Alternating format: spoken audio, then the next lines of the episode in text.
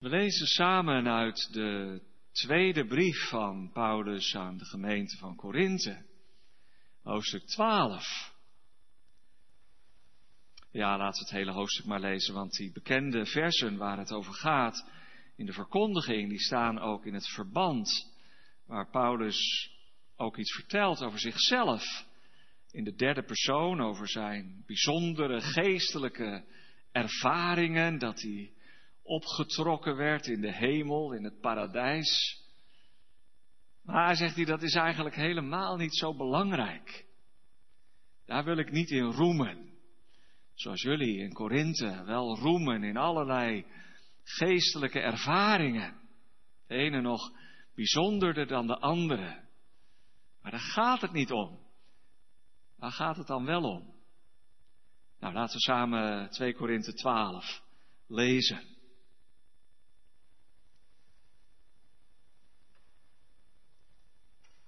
Te roemen is werkelijk niet gepast voor mij. Want ik zal komen op verschijningen en openbaringen van de Heere. Ik ken namelijk iemand in Christus. Veertien jaar is het geleden.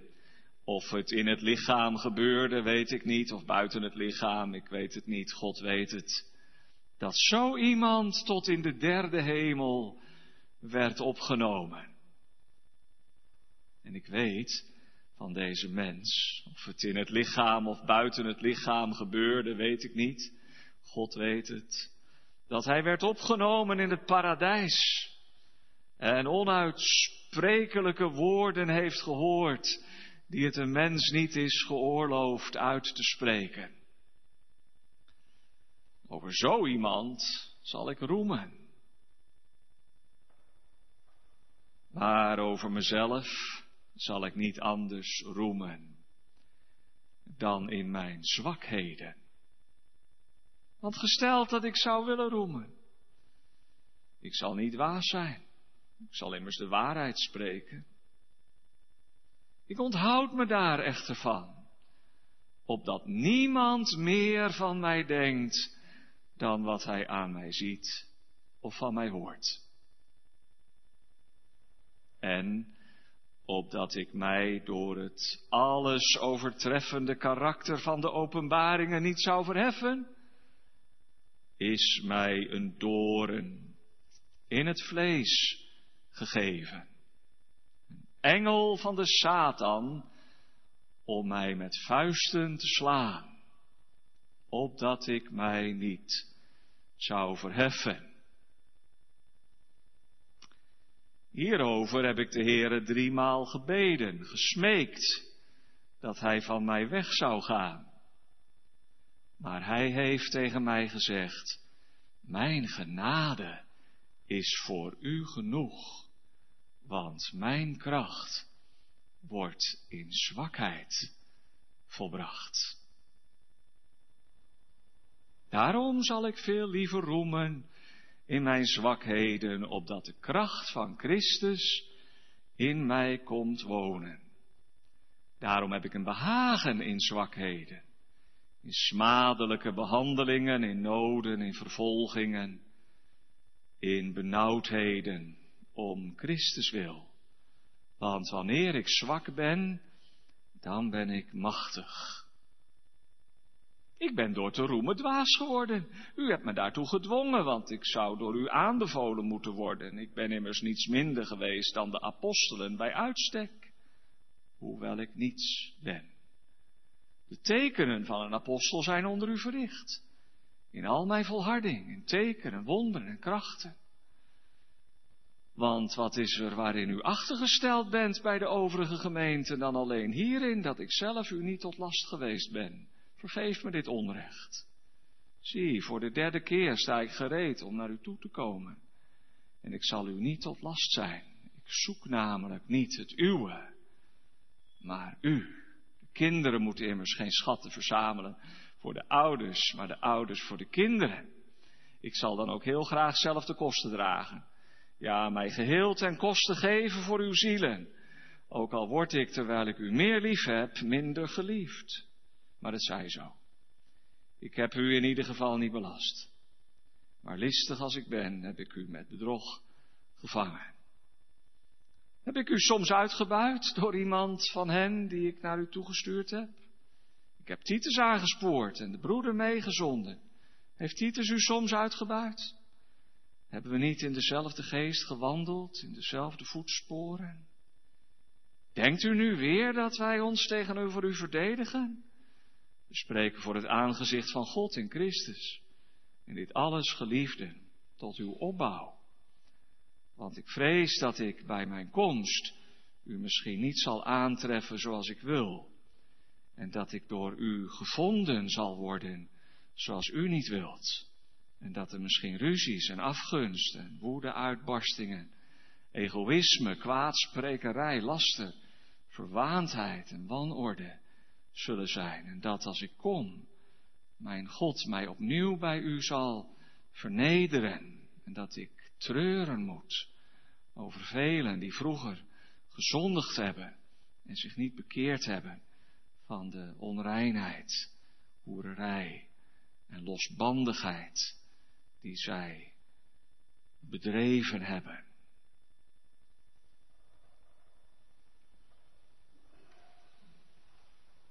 Soms krijg je een cadeau, een verrassing, waar je heel blij mee bent.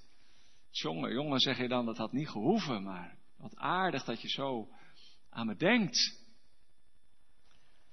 Hebben jullie ook wel eens iets gekregen waarvan je dacht, wat heb ik er eigenlijk aan? Dat laat je dan niet zo merken, dat is natuurlijk niet aardig om dan eerlijk te zijn en zeggen, nou ja, ik heb er niks aan. Dat zou heel onvriendelijk zijn, dus ja, je neemt het in ontvangst en je zegt misschien dank u wel. Maar ja, om nou heel enthousiast te zeggen, nou, dat had niet gehoeven. En dat is ook weer wat overdreven. Dat voelt wat ongemakkelijk als je een cadeau krijgt waar je eigenlijk niet op zit te wachten.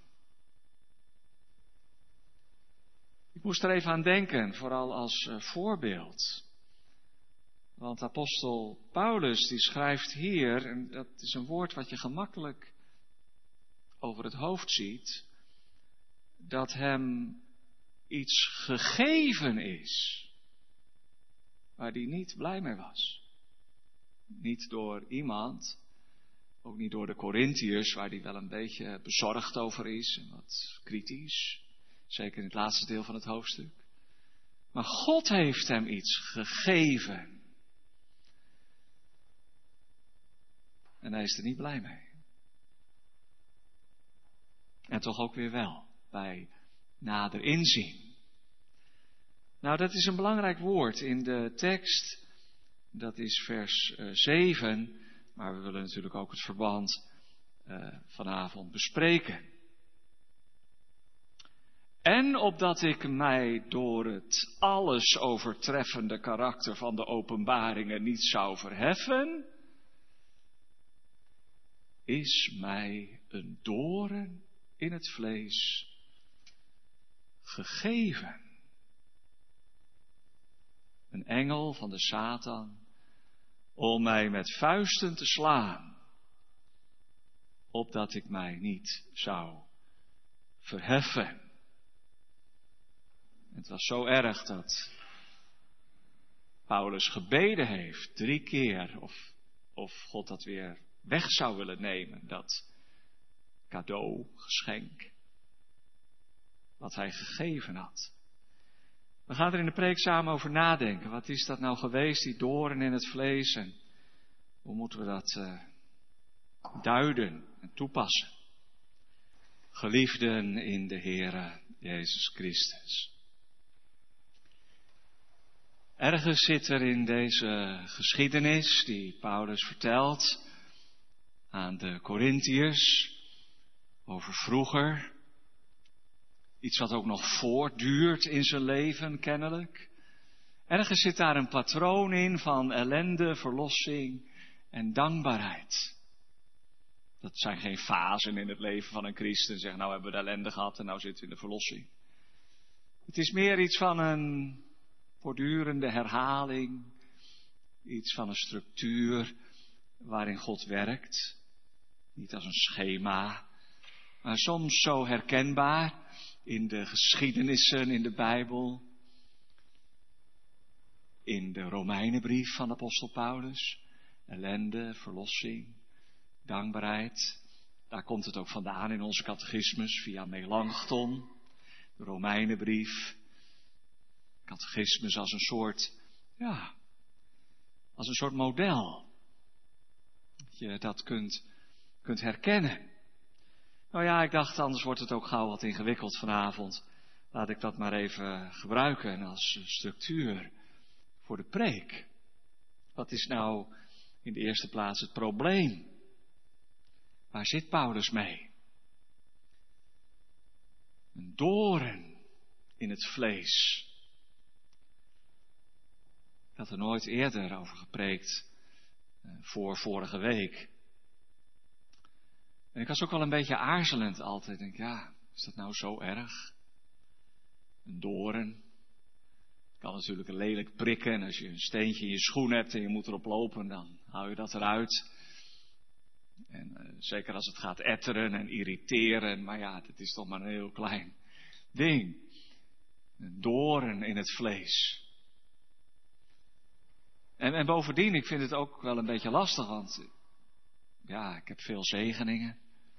Veel om de Heer voor te danken. Er zijn vast christenen, ook gemeenteleden hier, die het veel moeilijker hebben dan ik. Moet ik daar dan over preken? Ja, maar toen ik er wat meer indook, toen bleek die doren, als je leest wat er in de grondtekst staat, ook nog iets anders te kunnen betekenen. Een scherpe punt van een spies denk dat dat nog wel, zeker gezien de heftigheid van Paulus' woorden en ervaring, een betere vertaling is. Hij voelt alsof hij aan het spit geregen wordt. Alsof hij doorstoken wordt met een speer, met een scherpe punt. Gespietst. Zoals een varken boven het uh, vuur Eén keer gezien op een eh, boerenbruiloft jaren geleden. Daar hadden ze een vark aan het spit. En dan kon je zo een, een, broodje varkensvlees eten. Nou, dat was echt niet te eten. Maar goed, dan zie je wel wat je eet. Dat is toch anders dan uh, uit de supermarkt, zal ik maar zeggen. Ja, alsof je hele lijf, je lichaam, dat doet pijn, doorstoken wordt, doorboord iets ander beeld dan een dorentje waarvan je zegt, ja, hoe, trek ik die splinter uit mijn vinger? He? Zoiets. Iets wat, wat hem geweldig dwars gezeten heeft. Iets wat hem geweldig pijn gedaan heeft. Nou, laten we dat uh, ook voor onszelf maar even nagaan. Er is veel gebrokenheid. Waar zit de pijn? In je leven. Waar zit de pijn? Nou zeg je misschien, ik heb helemaal geen pijn. Nou, dat is fijn. Komt wel, een keer. Ik zei het net ook van mezelf. Ik heb niet direct iets waar ik dan aan denk, een doorn in het vlees. Maar er is wel strijd. En soms ook pijn en gebrokenheid.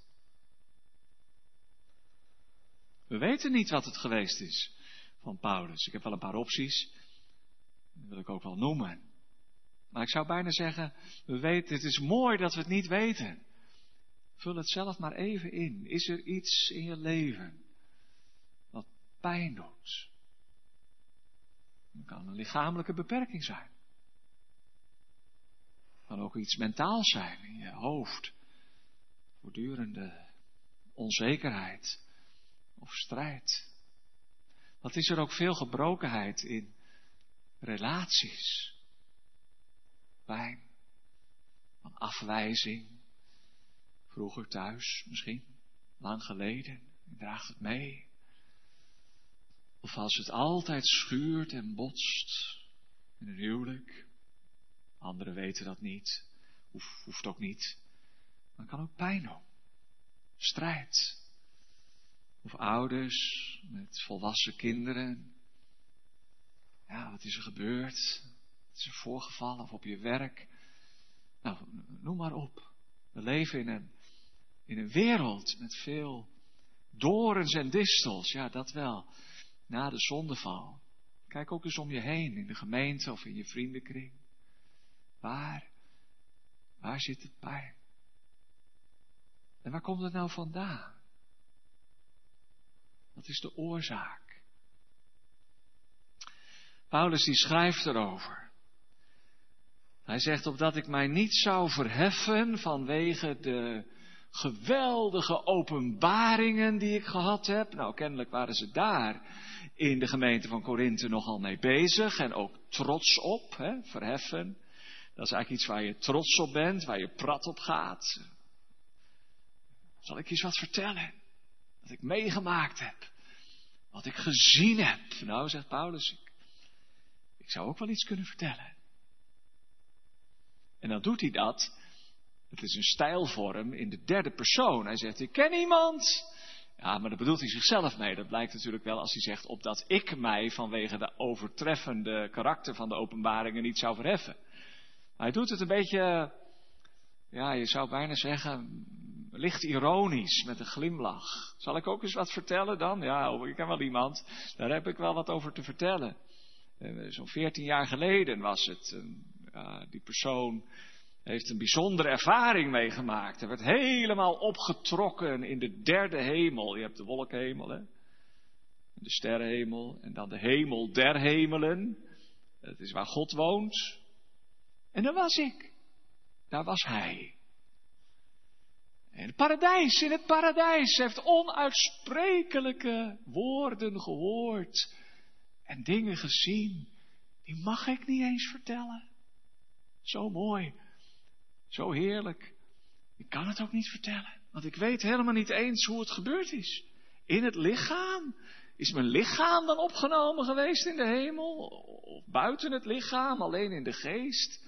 Ik weet het niet, zegt hij. En zo vertelt hij daar over. Toch, als apostel. Misschien ook wel omdat hij in de gemeente van Korinthe, dat hebben we in het laatste gedeelte van het hoofdstuk gezien, een beetje geminacht wordt. Niet helemaal voor vol wordt aangezien. Nou, zegt Paulus, ik kan gerust wel met jullie wedijveren, als het moet. Maar dat ga ik niet doen. Want ik ben daar helemaal niet trots op. Want het betekent eigenlijk heel weinig. Er is iets anders wat ik met jullie wil delen. En dat gaat niet over wat ik meegemaakt heb en hoe geweldig ik ben en welke geestelijke ervaring ik gehad heb. Maar dat gaat over mijn pijn en mijn strijd. Want daarin heb ik de Heer Jezus veel meer en veel beter leren kennen dan toen ik in de hemel was. Ja, dat is wel mooi, dat zegt Paulus achteraf. Dat het goed geweest is. Dat is eigenlijk al het derde, de dankbaarheid. Maar als die daar nog middenin zit, is het ongelooflijk zwaar. Wat is het dan geweest? Er zijn drie opties. Misschien zijn er wel meer, ik noem er drie. Iets lichamelijks, zeggen sommige mensen, omdat het een doorn in het vlees was. En Paulus schrijft in de Galatenbrief, in hoofdstuk 4, over zijn beproevingen in het vlees of in het lichaam, zoals de statenvertaling dat heeft. En dan heeft hij het ook nog over zijn ogen en dat de mensen in Galaten zijn hun ogen wel zouden willen afstaan voor Paulus. En daarom zeggen sommige mensen, hij was misschien visueel beperkt, of had een oogziekte, of hij zag er onogelijk uit. Als je iets aan je ogen hebt, dan ja, een beetje een raar gezicht. Ja, wat was dat? Een handicap, een beperking, iets lichamelijks in het vlees. Dat zou kunnen. Veel mensen lijden ook wel lichamelijk. En dat kan een zware beproeving zijn, ook in het geloof. Maar ik ben geneigd om dat toch een beetje te relativeren, want hij schrijft elders ook wel over allerlei andere vormen van lichamelijk lijden, stokslagen die hij heeft ondervonden. en uh, zweepslagen en steniging. En ja, Paulus wist dat het was om ook lichamelijk te lijden om Christus wil. Hier gaat het om iets anders, tenminste, hij zegt het zelf wat het was, namelijk een engel van de Satan die mij met vuisten zou slaan. Dus een doorn in het vlees of zo'n speer dwars door je lichaam. Een geweldige, je kronkelt van de pijn eigenlijk. Hè? Wat is dat geweest? Namelijk Satan. Die mij met vuisten zou slaan. Het is een gevecht. Alsof Paulus voortdurend in de boksenring staat.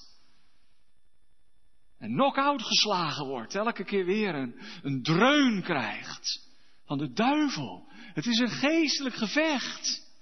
Het is een doorn in het vlees. Het zou lichamelijk kunnen zijn. Maar elke ziekte is niet van de duivel, natuurlijk niet. Hoe dat precies zit, ja, wie zal het zeggen. Maar het is in ieder geval, of het iets lichamelijks is of niet, ik twijfel eraan, is het ook iets geestelijks. En daarom zeggen sommigen, omdat het over de Satan gaat, het is een verzoeking geweest waar Paulus altijd maar weer moest vechten. Leid ons niet in verzoeking, verlos ons van de boze. De Jezus werd in de woestijn verzocht. En zegt hij het zelf niet in de Romeinenbrief in hoofdstuk 7. Als ik het goede wil doen, ik altijd weer last van het kwade. Het ligt op de loer. Ik, ellendig mens, wie zal mij verlossen? Ja, dat zou ook kunnen. Dat Satan elke keer probeert om, om je te verleiden. Een strijd is. Je wordt er zo moe van, van jezelf en van dat gevecht. En je voelt je zo zwak. Zeker als je weer faalt. Dat weten de mensen misschien niet. Misschien zit het vooral van binnen. Strijd in je hart. Of is het iets verborgens. Maar dat kan. Het zou ook hier kunnen. Een doorn in het vlees. Dan betekent vlees niet lichaam, maar het zondige vlees. Hè? Geest en vlees ja, heeft dat met elkaar eh, te maken. Zou kunnen.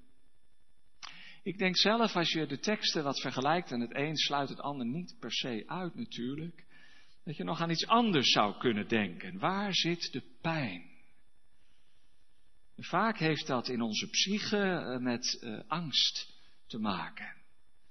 Met innerlijke onzekerheid. Want het is een engel van de Satan. En dan denk je misschien aan een kwade geest. Maar een engel is letterlijk in de Bijbel een bode. Met een boodschap. Dus elke keer weer krijgt Paulus een boodschap uit de hel.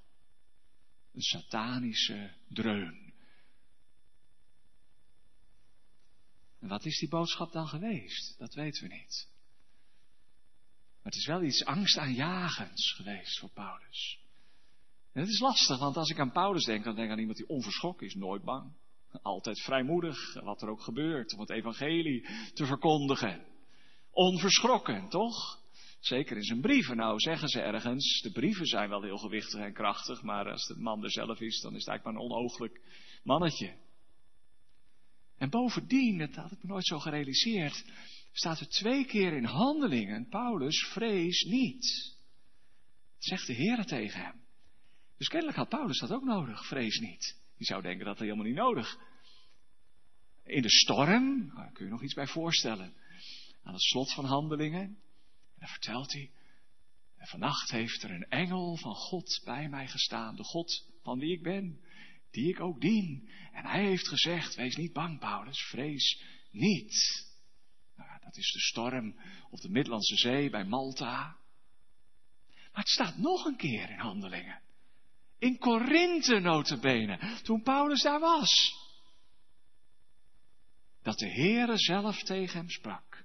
Paulus, wees niet bevreesd, want niemand zal de hand aan u slaan. Ik heb veel volk in deze stad. Vrees bezorgdheid, angst, onzekerheid. Je kunt soms vrijmoedig zijn en getuigen. Denk ook aan Elia. De Baalspriesters. Maar de volgende dag lag hij onder de struik en hij zei, oh God, laat me maar sterven, ik kan niet meer. Zo bang voor Isabel. Kan elkaar soms afwisselen. Angst, pijn, strijd. Hij schrijft ook in de eerste Korinthebrief daarover. Ik was bij u in zwakheid, hetzelfde woord als hier, en in vrezen en beven. Paulus? Beven? Heeft hij dan ook last gehad van angst? Nou, nogmaals, het is open en dat is ook mooi. Maar ik denk het zelf het meeste hieraan. En die angst is dan een gevolg van de engel, van de Satan, die op hem inbeukt. Ja, waarmee? Onwaardig, onwaardig. En schrijft hij ergens, het allermeest omdat ik de gemeente van Christus vervolgd heb. Die oude periode in zijn leven, toen hij zo fanatiek was tegen Jezus en tegen de discipelen op weg naar Damascus, dat hij ze gevangen wilde nemen. Hij heeft ze zelfs gedwongen om te lasteren. En het achtervolgde hem, dat beeld van de stenen regen op het hoofd van Stefanus, terwijl zijn gezicht blonk als een engel.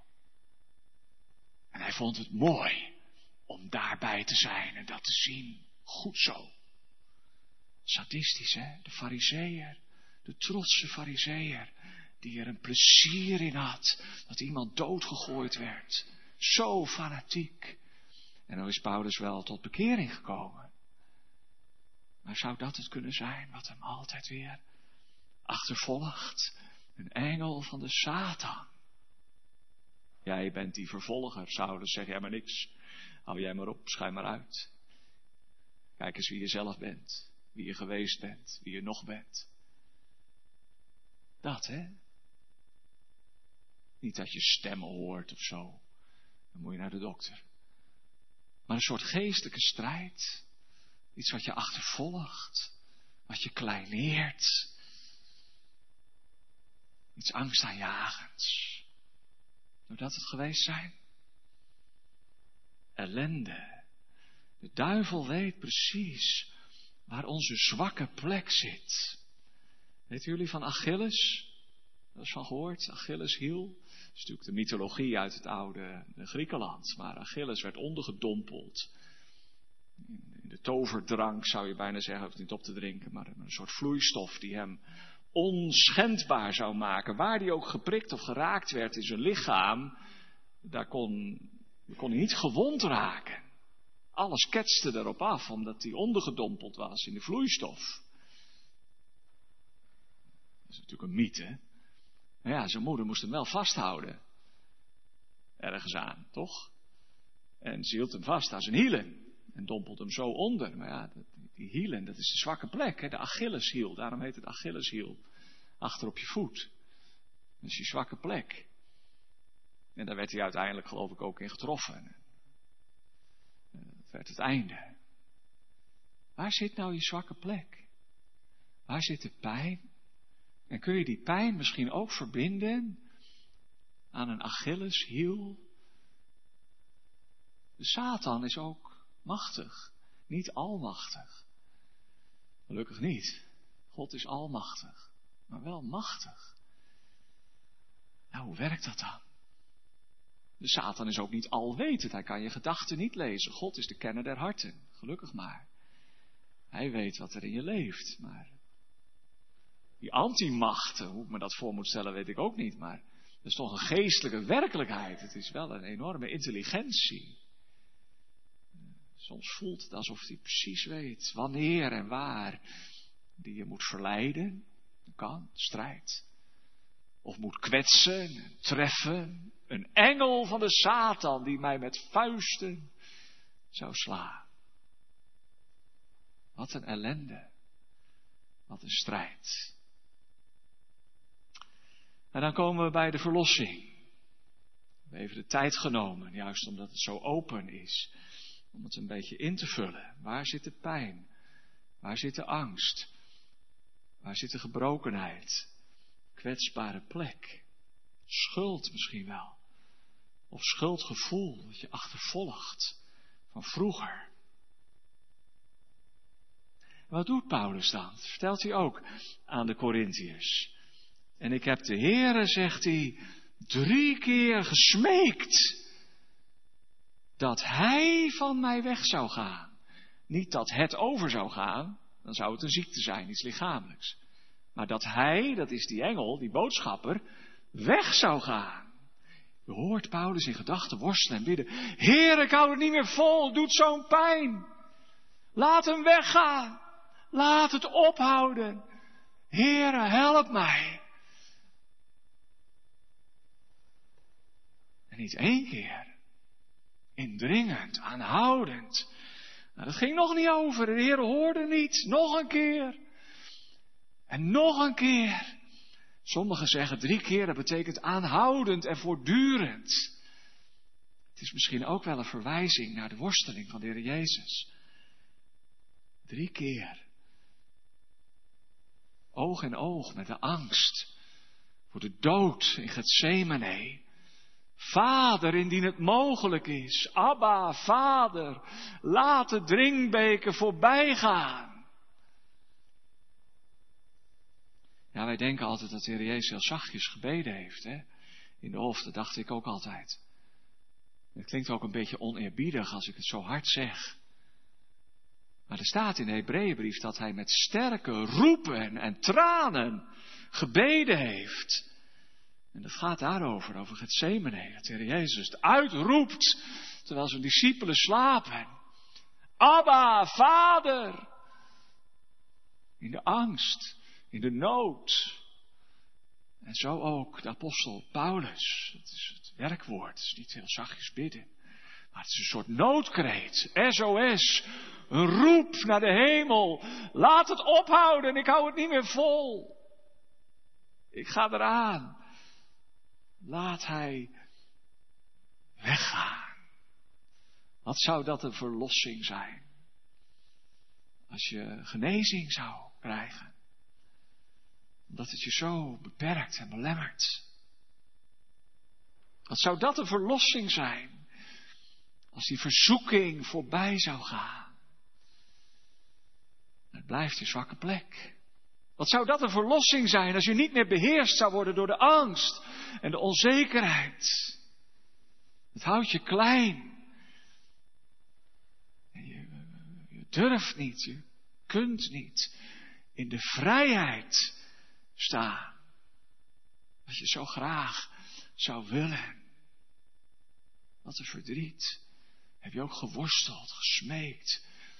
In dat gevecht een bokswedstrijd tegen de Satan roept Paulus om hulp naar de hemel. Omdat die speer dwars door zijn lichaam steekt. Heere, help!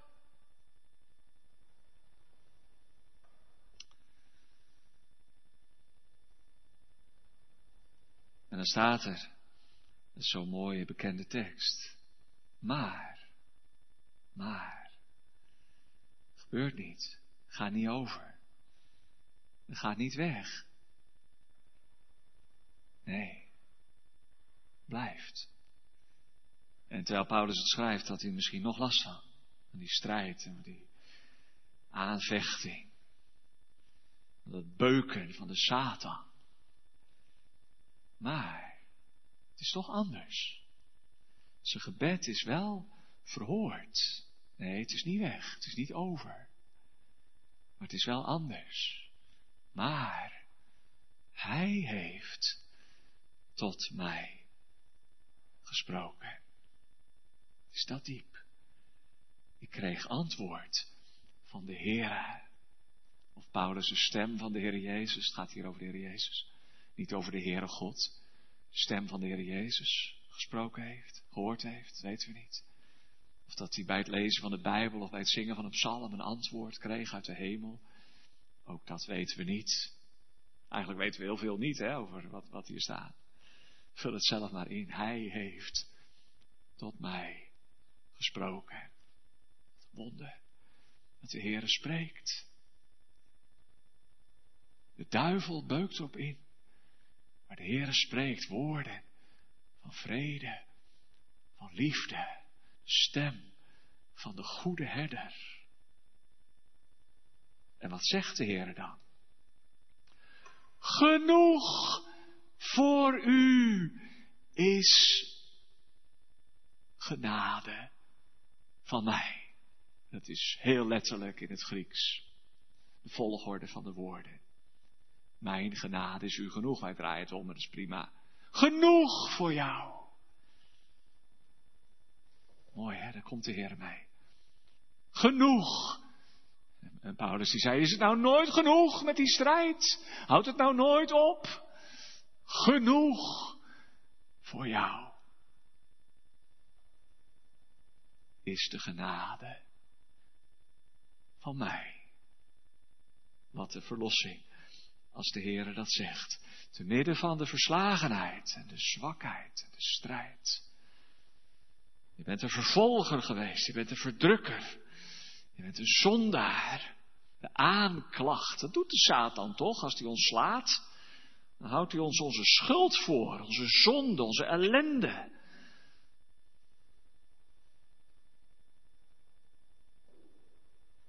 Een lendeling die je bent. Genade van mij, Paulus. Dat is genoeg. Man, dat heb je toch altijd ook gepreekt. Overal waar je kwam.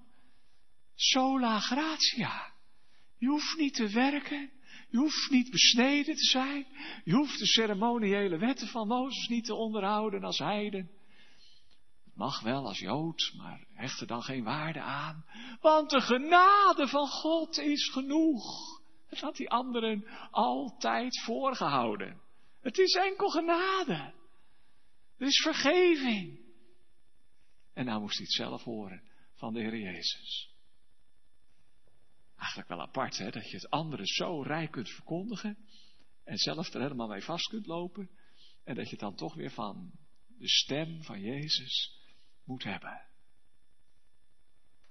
Genoeg voor jou is mijn genade. Paulus had er ook over geschreven aan de Corinthiërs. Over de genade van Christus, die om uwentwil arm geworden is. Voor jullie is uit de hoge hemel neergedaald. Zo arm werd de heiland voor u en voor mij, opdat jullie rijk zouden worden in Hem. Het is enkel genade. Het is geen verdienste. Het is ook niet belangrijk of je het wel of niet waard bent. En het maakt ook niet uit wat je in het verleden voor zwarte bladzijden hebt in je leven. Hoe erg het ook is, al ben je een moordenaar. Al heb je de gemeente van Christus vervolgd. Er is genade. En dat is genoeg. Ja, het is mijn genade. En daarom zei ik net, hij heeft de Heere drie keer gebeden en hij heeft gezegd, het zou natuurlijk over de Heere God kunnen gaan als het over de Heere gaat in het Nieuwe Testament, maar uit het vervolg blijkt wel dat het hier over Christus gaat, de Heere Jezus. Mooi eigenlijk dat je ook mag roepen in de nood, Zoon van David, Heere Jezus, ontferm u over mij. Meestal bidden we tot de Vader en dat is goed. Dat heeft Heere Jezus ons zelf geleerd. Maar ik denk wel eens als de nood echt heel hoog is, wordt het gebed steeds korter. Toch? Ken je dat? Hoe groter de nood, hoe korter het gebed. En misschien dat je dan wel meer tot Jezus bidt en roept dan tot de Vader. Heere, ontferm u over mij. Want er staat mijn genade, mijn kracht in zwakheid en dan opdat de kracht van, niet de kracht van God, maar de kracht van Christus in mij komt wonen. Nou, ik noem het maar even. Het gaat hier over de Heer Jezus. Hij heeft gesproken. Paulus, heb je met al je strijd en zwakheid genoeg aan mijn genade? Ja, en dan de, de dankbaarheid. Want hoe erg het ook was, en ja, dat is ook goed om dat te benadrukken als troost. Eigenlijk schrijft Paulus er nog wel een beetje luchtig over. Luchtig is misschien niet het goede woord, ik weet geen ander woord. Hij schrijft er met een lichte ironie over in dat verband, dat hij zegt, ja, ik kan ook wel wat vertellen. He? Ik ben in de hemel geweest, in het lichaam of buiten het lichaam, dat weet ik niet.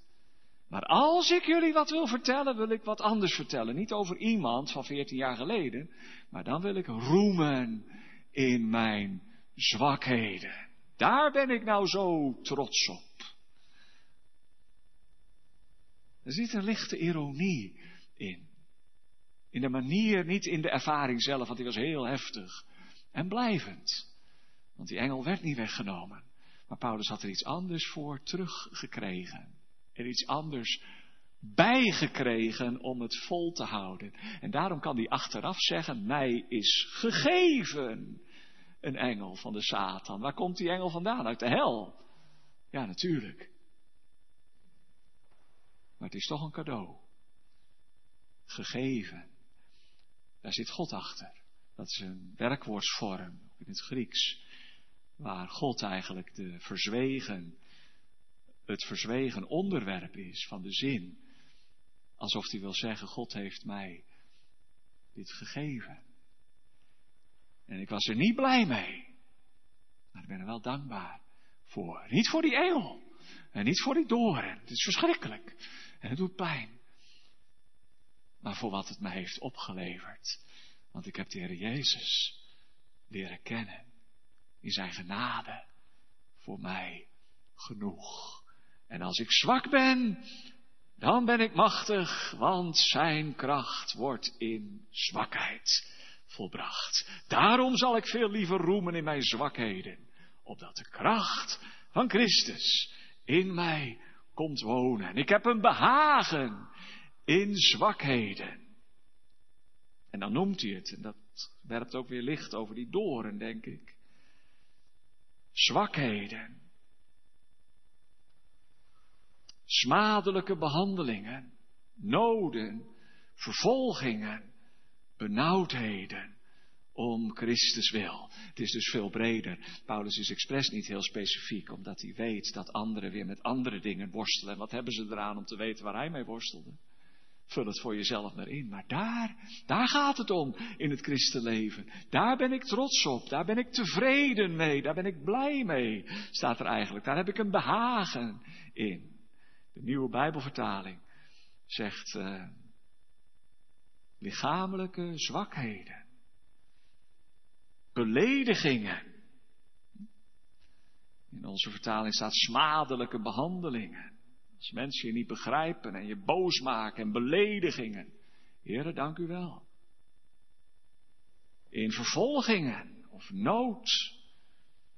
In benauwdheden of, of ellende.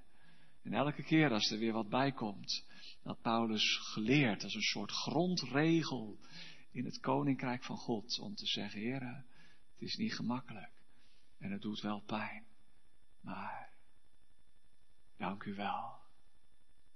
Want, ja, waarom eigenlijk? Waarom zou je de Heer danken voor zo'n pijnlijk cadeau? Heere, dank u wel. Want als ik zwak ben en afhankelijk van de Heere, dan ben ik machtig en sterk. Een paradox. Heere, dank u wel. Waarom? Kunt het nou zelf ook invullen en aanvullen? Mijn genade is genoeg. Heren, dank u wel, want Ik heb u nodig. En het houdt mij zo dicht bij u. En het houdt u zo dicht bij mij. Amen.